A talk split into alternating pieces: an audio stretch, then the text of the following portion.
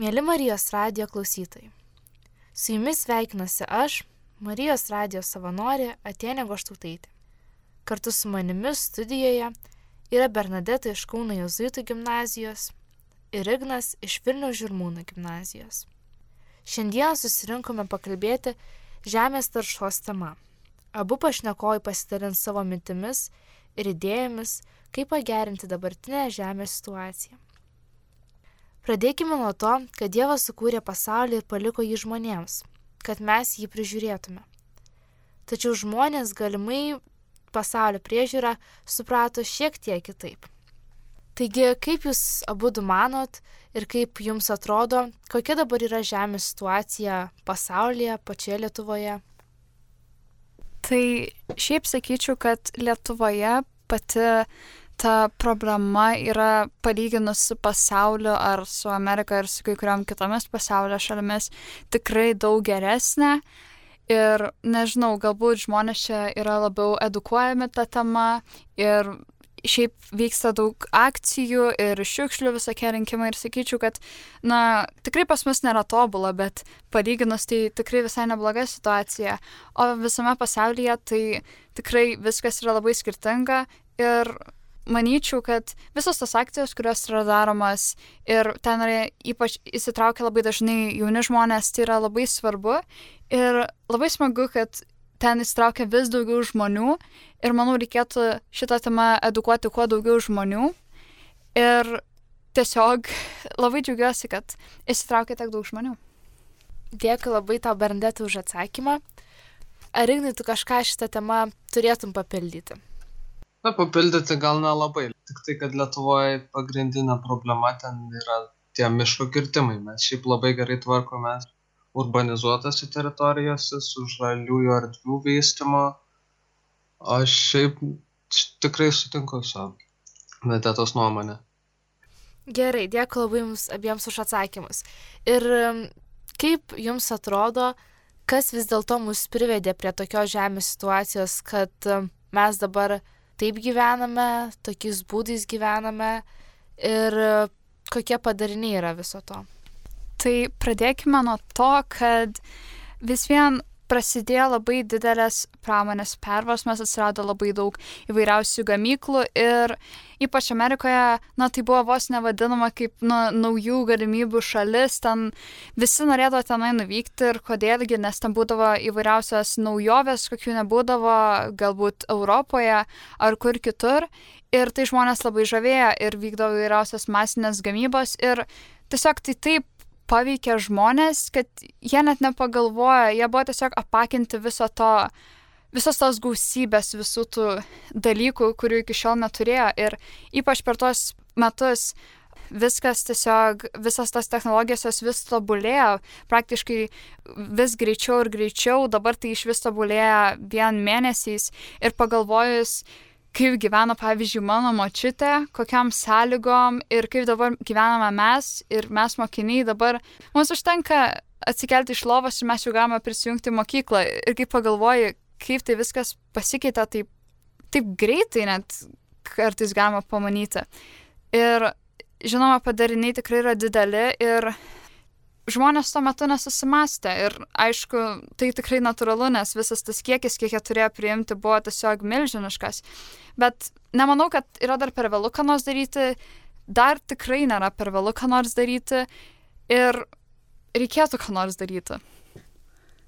Dabar kaip tik Bernadeta užsiminė uh, apie tai, kad uh, vis dėlto reiktų kažką keisti žmonių gyvenimo būduose ir žmonių gyvenimuose, jų sprendimuose, galbūt netgi žmonių rutinoje.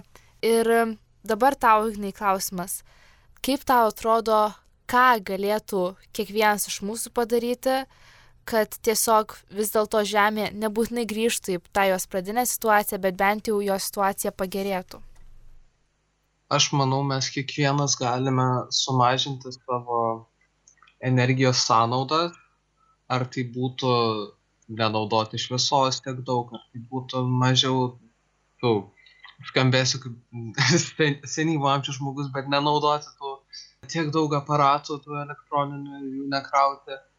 Taip pat dar galima mažinti savo transportą, tiksliau nemažinti, o keisti, jeigu reikia.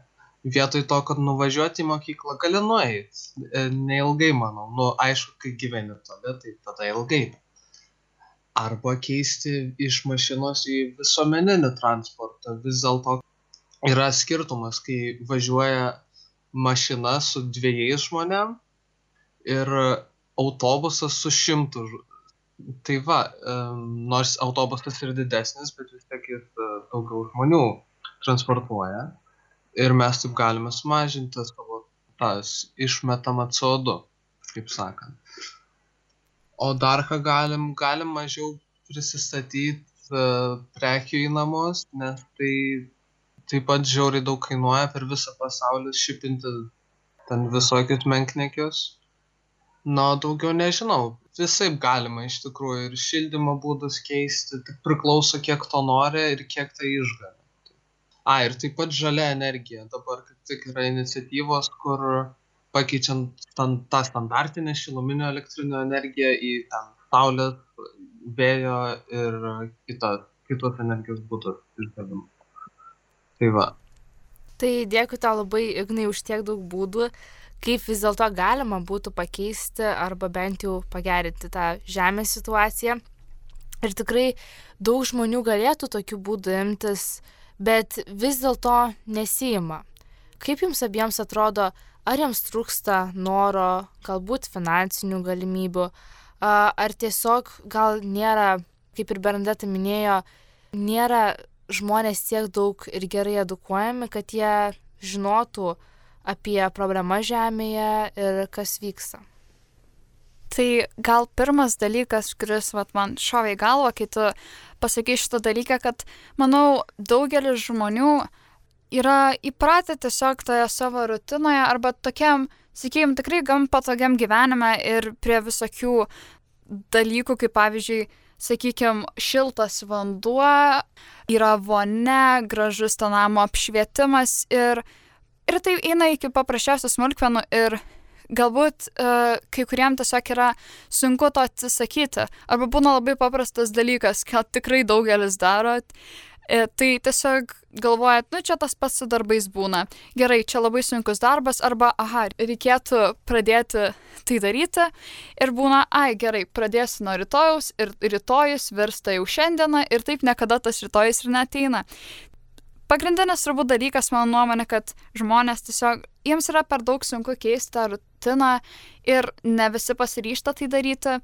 Žinoma, dar yra galbūt e, daug ir kitų priežasčių, galbūt tikrai kažkam yra sunku ten finansiškai nusipirkti kokius elektromobilius, bet tikrai yra būdų, kuriam, kuriem tiesiog nereikia tų pinigų ar jų nereikia tiek daug, kad tiesiog galėtume pagerinti kažkiek tą situaciją. Ir vėlgi yra labai svarbus dalykas, kad kartais galvoja, ką aš čia vienas tik tai darysiu, tai čia nieko nepakeis. Bet įsivaizduokit, vat, kad kiekvienam pasaulio kampelį yra po vienas toks žmogus, kuris, sakykime, vieną dieną sunaudoja mažiau vandens, negu dažniausiai taip daro, ar surušiuoja šiukšles. Ir jau pagalvokit, kiek tai šimtų ir tūkstančių tai sudaro ir iš tikrųjų kokį, kad ir mažą pakeitimą tai padaro pasaulyje. Man labai patiko to Bernadeta mintis, kad e, visi galvoja, arba daug žmonių galvoja, kad e, jie po vieną nieko negali padaryti. Ir iš tikrųjų, kaip ir tu jau minėjai, kad e, kadangi daug yra tokių žmonių, jie nėra vieni. Jie tampa kaip ir grupė žmonių, kurie masto panašiai, kurie siekia panašių tikslų ir tikrai eina panašiais keliais. Ir mano pačios nuomonė irgi mes kartu galime ir padėti žemiai, ir tikrai sukurti gražesnę ateitį ne tik savo, bet aišku ir um, ateičiai. Ir kaip jums dabar atrodo Dievas skurdama žemę, kaip jau minėjau pradžioje, jis paliko ją žmonėms. Paliko ir liepė valdyti ir prižiūrėti ir rūpinti žemę. Ir kaip jums atrodo, ko tikėjosi Dievas iš mūsų, iš žmonių, kurdamas viską ir ar žmonės pateisino jo lūkesčius, o galbūt jį nuvylė. Aš manau, kad Dievas tikėjosi, kad juk žmonės gyvens harmoningai, sukurt geresnę visuomenę ir aplinką, savo ir kitiems organizmams gyvenančiams Žemėje. Bet sakyčiau, ne visi mes esame tie idealai, kurių tikėjosi Dievas. Gerai, dėkui labai Idealų. tau, Ignai, už atsakymą. Ir iš tikrųjų, mano pačios nuomonė yra, kad nėra svarbu, ar žmogus yra labai tikintis ar netikintis ir ar kad ir ko labai tikėjosi tų, um, nežinau, gal kiti ko tikisi iš mūsų. Bet vis dėlto Dievas mus visus sukūrė ir jis sukūrė mus visus netobulus, bet uh, tokius, kokie mes esame. Ir iš tikrųjų Dievas gal net kūrė mus tobulus, bet žmonių pasirinkimai nėra visą laiką tobuli. Nes vis dėlto mes esame žmonės ir mes einame per gyvenimą ir su klaidomis. Yra žmonių, kurie savo, kad e, mes visi žmonės ir čia atšilimas yra viena iš žmonių klaidų. Bet ar gali būti, kad ta klaida jau tampa ne klaida, o šiek tiek e, rimtesnė padėtimi? Na, tai tiesiog pasakysiu savo nuomonę, tai sakyčiau, kad taip, tai tikrai praktiškai su kiekviena diena tampa vis rimtesnė problema ir, ir tas jos ignoravimas yra pagrindinė ta problema ir kaip sako, kai čia kažkas kad visą laiką kaltina kitus žmonės. Čia yra, sakykime, natūralus žmonių instinktas ir tiesiog mes kaltume dažnai kitus žmonės, nes norime nustumti tą kaltę nuo savęs. Ir tas ignoravimas tai tikrai nėra gerai. Ir mes, kad ir kiek mažai prisidedam, mes turėtume tai padaryti. Nes dar vienas dalykas, kokį aš, pavyzdžiui, kartais pati susimastau, tai kad visas šis atšilimas ir kas vyksta, tai e, įvyko dar, kai aš, pavyzdžiui, nebuvau gimus, kai daugelis mano draugų nebuvo gimę. Ir iš tikrųjų, kai pagalvoju, koks galbūt, na, jaunosios kartos, kokia mūsų ateitis laukia ir kad po to mes tarsi turėsime visą tą situaciją tvarkyti ir tai bus mūsų atsakomybė ir koks mūsų laukia spaudimas. Tai va, aš dažnai pagalvoju apie šitą dalyką ir man iš tikrųjų pasidaro labai labai nejauku. Tai manau, reikėtų, reikėtų šiek tiek rimčiau žiūrėti į tai ir ne taip atmestinai, kad viskas susitvarkys savaime, nes būna tokie dalykų, kurių, kurie tiesiog ateina ir praeina, bet šitas dalykas tikrai nepraeis ir jeigu jau gyvename savo žemėje, čia yra mūsų namai, tai turėtume bent jau bandyti kažką daryti, kad mums čia būtų gera ir ne tik mums, bet ir mūsų aplinkiniams, nes, nu, mes esame žmonės, mes esame sukurti bendrauti. Iš tikrųjų, ką Berandeta pasakė, irgi žodžiai jos man labai patiko, nes mano irgi pačios nuomonė yra tokia, kad kažką, e, ką mes darome dabar, kažkokie mūsų dabar veiksmai ateina ne tik į mūsų ateitį paskui ir priklauso ne tik e, nuo to mūsų ateitis, bet taip pat ir kitų kartų ateitis ir taip pat e, galbūt mūsų vaikų, šeimų ateitis. Ir dėl to visą laiką reikia mąstyti, ką darai ir galvoti, ką darai. Ir kaip jums atrodo, jeigu žmogus pats nieko nekeičia, ar tai reiškia, kad jis kenkia tik savo ir kenkia tik savo aplinkai, nežinau, draugams, tėvams, ar jis kenkia iš dalies ir visam pasauliui. Ar gali būti taip, kad tai, ką pasakė Berendeta, kad e, mes po vieną žmogų galime padėti žemiai, bet ir gali būti, kad mes po vieną žmogų galime žemiai ir kaip tik labai pakengti. Tai taip, aš manau, kad yra taip. Mes ne tik kenkiame savo nieko nedarydami, bet iš esmės visą tai kaip ir yra natūralu, bet, nu, čia sudėtinga. Mes iš tikrųjų nėra taip, kad nieko nedarom. Mes iš tikrųjų darom, kad į blogesnę pusę pastum su savo tomis emisijomis mes, tai kaip sakoma, einame blogąją linkme. Tai iš esmės mes visi darom blogą, kol nepradedam daryti gero. Čia taip įdomiai pasisakė, bet tai va, ir iš tikrųjų mes, kaip yra posakis, ten net viena maža snaigė gali daryti, kad visa šaka nulūštų.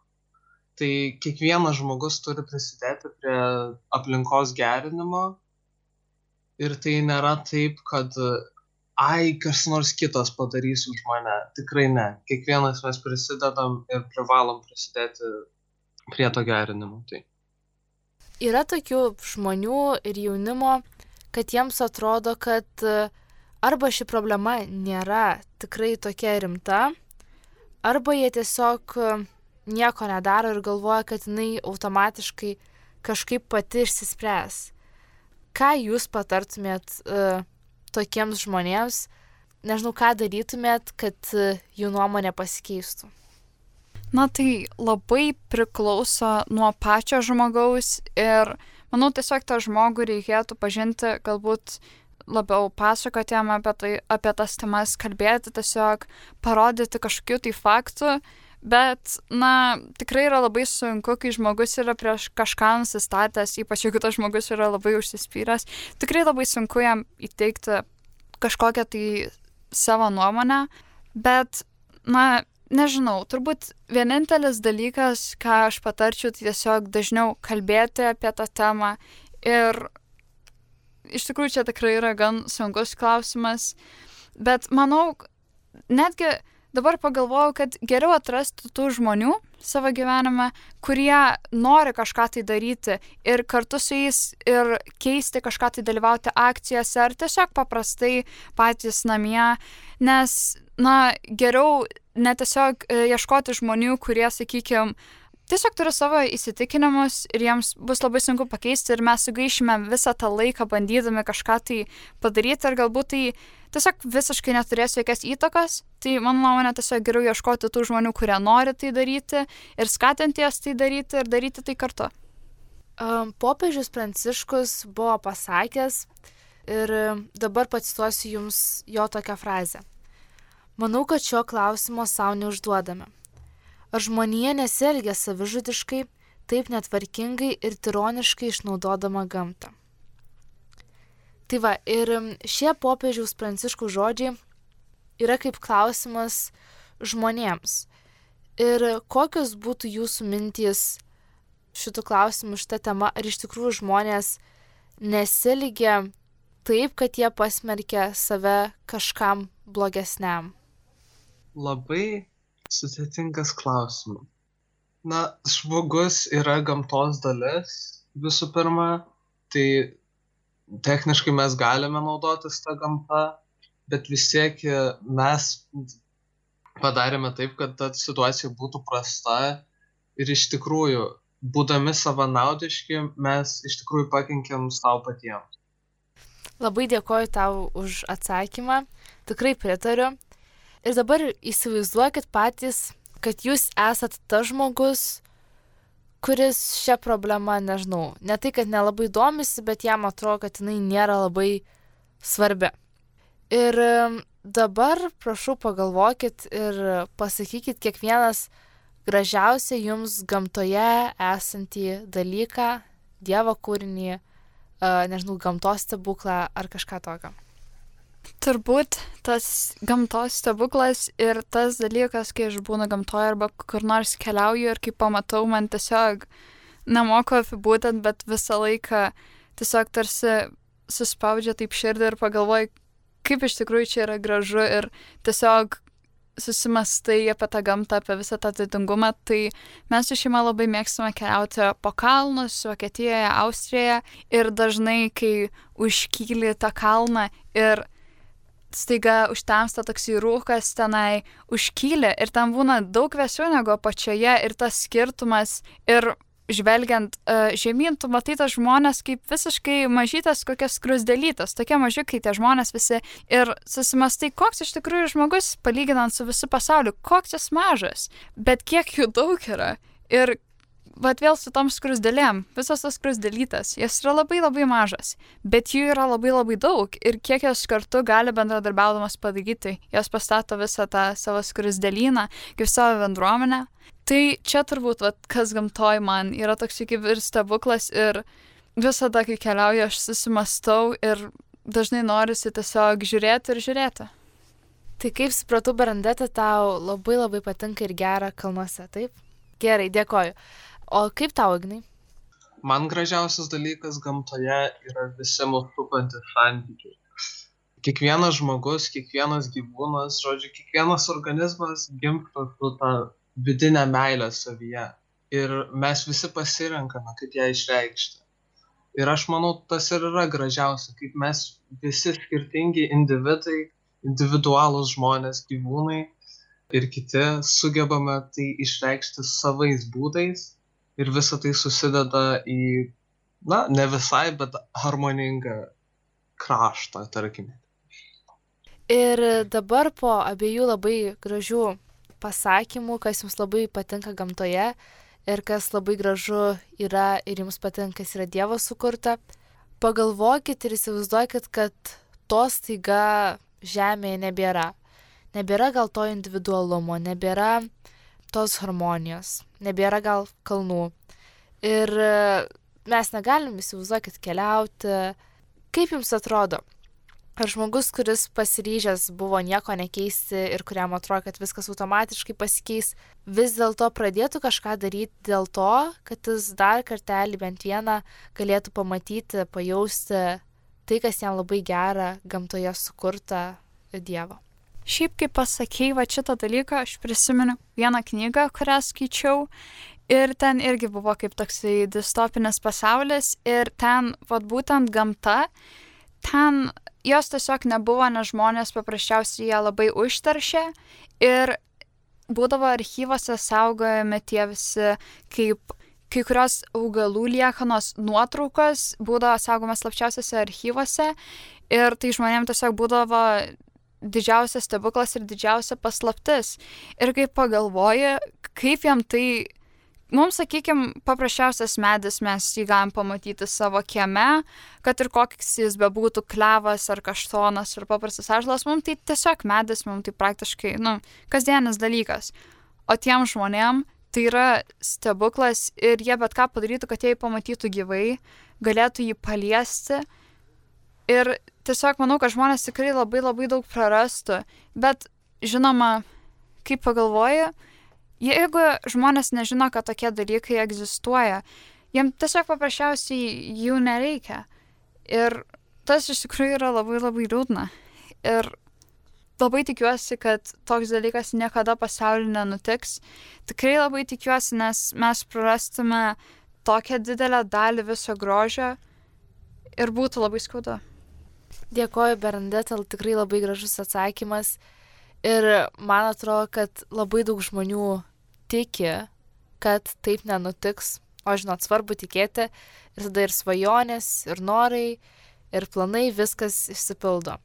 Ar tu, Ignai, šitų klausimų turi kažką pasiūlyti, ar gal kokių minčių turi, ar žmogus kažką pradėtų keisti, jeigu jis e, suprastų, kad jis e, tai, kas jam labai gera ir gražu gamtoje, gali prarasti svarbiausia yra žmogaus noras ir kad neišsektų viltis, kad ir kaip blogai, toliau reikia norėti, toliau reikia grožėtis ir tik iš to ateis tie geri dalykai. Tai manau, kiekvienam mums tai reikia suprasti, kas yra gražu ir kaip mums tą išsaugoti ir tada viskas bus gerai. Ar gali taip pat būti, kad gamta žmonės labai atgaivina ir kai kurie to net nesupranta, visas tas atšilimas kaip ir gadina ne tik žemę, gadina tik žemės įvaizdį ir visus, nežinau, stebuklus gamtos, visą gamtą, bet ar gali būti, kad taip pat tą žmonių atgaivą gadina ir ar gali būti, kad dėl to ir žmonės tampa gal liūdnesni, mažiau mato šviesos pasaulyje? Manau, kad reikėtų iš vis pradėti nuo to, kad visas tas atšilimas, visos išmetamosios dujos, tai žinoma kenkia žmonių sveikatai. Tai čia, manau, yra esminis dalykas, na, ypač kokiuose didmeščiuose pas mus dar ne taip, visas susidarė smogas ir kiti dalykai. Ir žinoma, tai labai daug prisideda prie viso žmonių savijautos ir ta gamta, kaip tu minėjai, kad, na, kaip atpalaiduoja ir suteikia tokio, na, kaip tu pasijauti lengviau, laisviau, geriau, tai taip, tas efektas tikrai yra. Ir manau, tikrai reikėtų pajusti, kaip tikrai esat, pavyzdžiui, ypač jeigu gyvenate kokiam didesnė mieste, arba maždaug mano amžiaus žmonės, sakykime, jūs išvažiuojat savaitį ar pas mačitai kaimą ar į kokią stovyklą, kur yra gamtos ir jūs ten tikrai daug daugiau būnate laukia ir jūs taip atsipalaiduojate ir po to, kai grįžtat į miestą, man tai tikrai būna ir aš jaučiuosi kelias dienas pirmas, aš taip jaučiuosi tarsi ne savo vietoje, man taip keista, kad vėl reikės grįžti į tą tokį miesto gyvenimą, bet realiai net nepajunti, kaip tu greitai prie jo pripranti vėl ir grįžti į tas pačias uh, senas vežės. Taip tikrai, ką tik Berandeta apibūdinai labai pažįstamą jausmą, ir iš tikrųjų ir man pačiai taip labai dažnai būna. Ir netgi nebūtinai, kai aš tik į gamtą išvažiuoju, galbūt į kokią kitą vietą, kur aš esu ilgai nebuvus. Ir dabar klausimą dar irgi turiu abiems. Ar gali būti taip, kad žmonės labai labai greit pripranta prie to, kas jiems, nežinau, yra įprasta, prie rutinos, bet labai pasilgsta to, E, kur pabūna kelias dienas, ar ką pamato, ką patiria tam tikrose vietose. Taip, tai dėl rutinos, manau, labai paprasta priprasti prie viso to, jeigu tik patogu, tai tu taip ir toliau ir te gyveni. O ką daugiau daryti? Juk viskas gerai. Bet šiaip, manau, žmogus tikrai pasilgsta viso to ir tos buvusios rutinos, jeigu tokia kada nors buvo jiems, arba tiesiog to, kaip kalbėjom temą apie grožinius, pasilgsta viso to. Tai manau, mes galime patys pasikeisti ir adaptuotis, kaip sakant, o ne gyventi tik patogiai. Dabar kaip pasaky, kad žmogus gali keistis ir tikrai gali adaptuotis.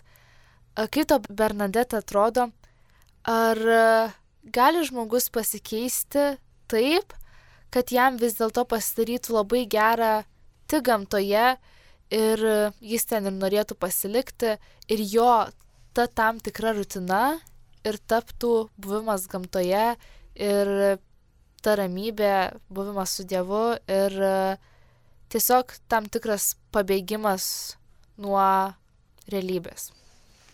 Tai manau, kad tai yra tikrai įmanoma. Kartais įvyksta įvairiausių stebuklų, kartais mes kart suvokiame kai kurios dalykus per visiškai paprastas situacijas.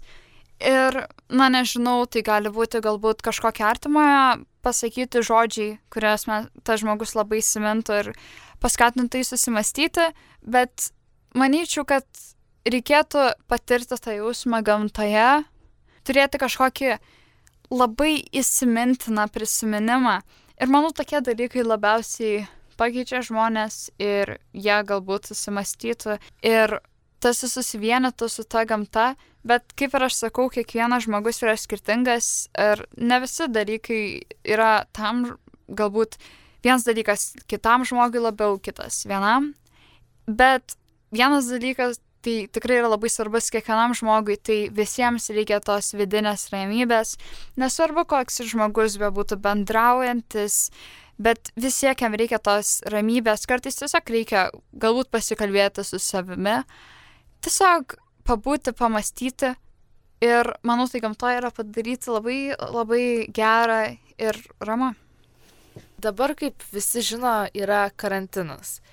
Ir ar jums atrodo, kokia jūsų nuomonė yra, ar gali būti taip, kad Dievas žmonėms atsiuntė tam tikrus įvykius, tam tikrus karantinus, tam, kad jie vėl atgal atsižvelgtų į tai, kas iš tikrųjų svarbu, kad jie pamatytų, kad tai, ką jis Dievas davė žmonėms, nėra tik tai maži kasdieniai dalykai, tai yra vis dėlto stebuklas, prie kurio jis tikrai dirbo, stengiasi ir padovanojo mums. Tai šiaip iš esmės sakyčiau, kad taip, nes per pastaruosius metus tikrai pasaulis buvo labai susmarkavęs, tiek ir su visa pasaulinio atšilimo tema ir daug labai labai kitų dalykų. Ir manau, tas karantinas, vad kaip prasidėjo, taip tarsi visas pasaulis sustoja. Ne visiškai, bet ta viena pasaulio kaip ir dalis sustoja. Bet laikas vis vien eina, eina dienos ir va jau kai pagalvoji, kad praėjo jau daugiau negu metai nuo tada, kai prasidėjo visas šis koronos dalykas, visa ši situacija, tai pagalvoju iš tikrųjų, kaip tas laikas bėga ir manau, šis laikas, visas tas, visi tie metai ir daugiau paskatino ne tik mane ir daugelį kitų susimastyti, kas iš tikrųjų brangus mums buvo visas tas laikas, kai mes dar galėjome gyventi įprastai. Kokie mes iš tikrųjų buvome laimingesni, na, galbūt ne visi, bet labai abejoju, kad kažkam labai labai patinka karantinas ir norėtų, kad jis tęstųsi visą gyvenimą ir kiek tai galima ilgiau. Tai galbūt šis dalykas išmokys labiau branginti žmonės kai kurios dalykus ir susimastyti, Bet aišku, būtų smagu, kad jis kuo greičiau baigtųsi, nes jau, manau, daugelis žmonių suprato tą savo pamoką ir ką jie galbūt galėtų daryti kitaip. Bet čia jau priklauso nuo pačių žmonių, ką jie pasirinks daryti ar pasirinks nedaryti. Dėkui, Bernadetai, už atsakymą. Kokios tavo mintys, Signai, šitų klausimų? Prieš karantiną mes visi įpratome gyventi taip, kaip gyvename ir manau pasakyčiau kad ne visi mes branginome tą ką turėjome. Aš pats nelabai mačiau vertę ėjime į lauką. Nu ne visada bet man patikdavo tą daryti bet aš jeigu galėdavau atsisakydavau. Nemeluosiu. Tada dar tas mokymasis gyvai mes daugelis mūsų irgi to pasiilgo labai. Ir tas dievo atsiųstas galima sakyt išbandymas arba galų gale bus pamoka mums visiems, kad e, mus pamokys supratingumo ir kad branginti tą, kas iš tikrųjų yra brangu, o ne tą patogumą, kurį mes turime. Tai irgi tikrai dėkui labai Ignai tau už tavo atsakymą. Ir jau netgi pirmojo karantino pradžioje visi tinklapiai rašė, kaip į Veneciją sugrįžo gulbės, atplaukė delfinai. Ir tikrai mes galim matyti, kad per tą karantiną iš dalies ir pati gamta labai atsigauna ir e, ne tik žmonės kažką galbūt išmoksta, bet ir gamtai leidžia šiek tiek palsėti ir atsigauti ir vėl sugrįžti į tą padėtį, kad jinai galėtų ne tik būti kaip gamta, bet ir gaivinti žmonės. Labai dėkoju Jums abiems už šį atsakymą. Ir kaip Jums atrodo ką jūs norėtumėt palinkėti, kokios mintys yra dabartiniam jaunimui? Ar jie labai, kad ir būtų prieš šį atšilimą, kad sakytų, kad čia jo nėra, ar kaip tik tam jaunimui, kuris tiki šiuo atšilimu ir jis nori kažką daryti ir tiki gamtos taršą, tiki, kad vis dėlto gamta yra gerai žmonėms. Ką jūs norėtumėt palinkėti jaunimui ir kokią žinutę ištransliuotumėt? Tai pasakyčiau tiesiog tiesiai šviesiai visam jaunimui ir panašiai kaip mano amžiaus žmonėm, tiesiog sakyčiau, kad neignoruokit tokių dalykų, tiesiog ir manau, e, daugelis tiesiog žino, seka internete žinias ir tikrai tų žinių ir įvairiausių naujienų ir šaltinių yra pilna, tai tikrai palinkėčiau neignoruoti ir skatinčiau neignoruoti, nes visgi mes busim tie, kurie ir ateityje turės su šitų dalykų tvarkytis ir manau, kad kuo anksčiau pradėsime, tuo geriau bus ir ateityje bus lengviau, o mes dar vis nežinom, kas mūsų ateityje laukia, kokie dalykai. Tai manau, būtų labai gerai dabar pradėti ir linkiu visiems sėkmės.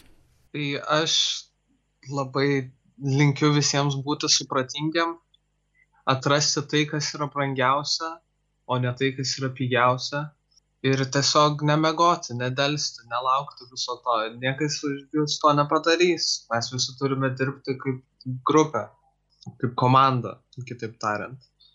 Ir aš irgi norėčiau palinkėti visiems sėkmės ir gražios ateities. Dėkoju jums labai abiems už palinkėjimus. Aš esu įsitikinus kad tikrai kam reikia tas išgirdo ir pasiemė tam tikrą žinutę. Taigi mėly marijos radijo klausytojai dėja Mūsų laida po truputį jau eina į pabaigą. Tikiuosi, iš jos pasiemėt ir išgirdote kažką įdomaus ir išsinešėte kažką vertingo gyvenimui. Su jumis buvau aš, Atenė ir mano pašnekovai Bernadeta ir Ignas. Dėkoju jiems labai, o jums linkiu gražios dienos.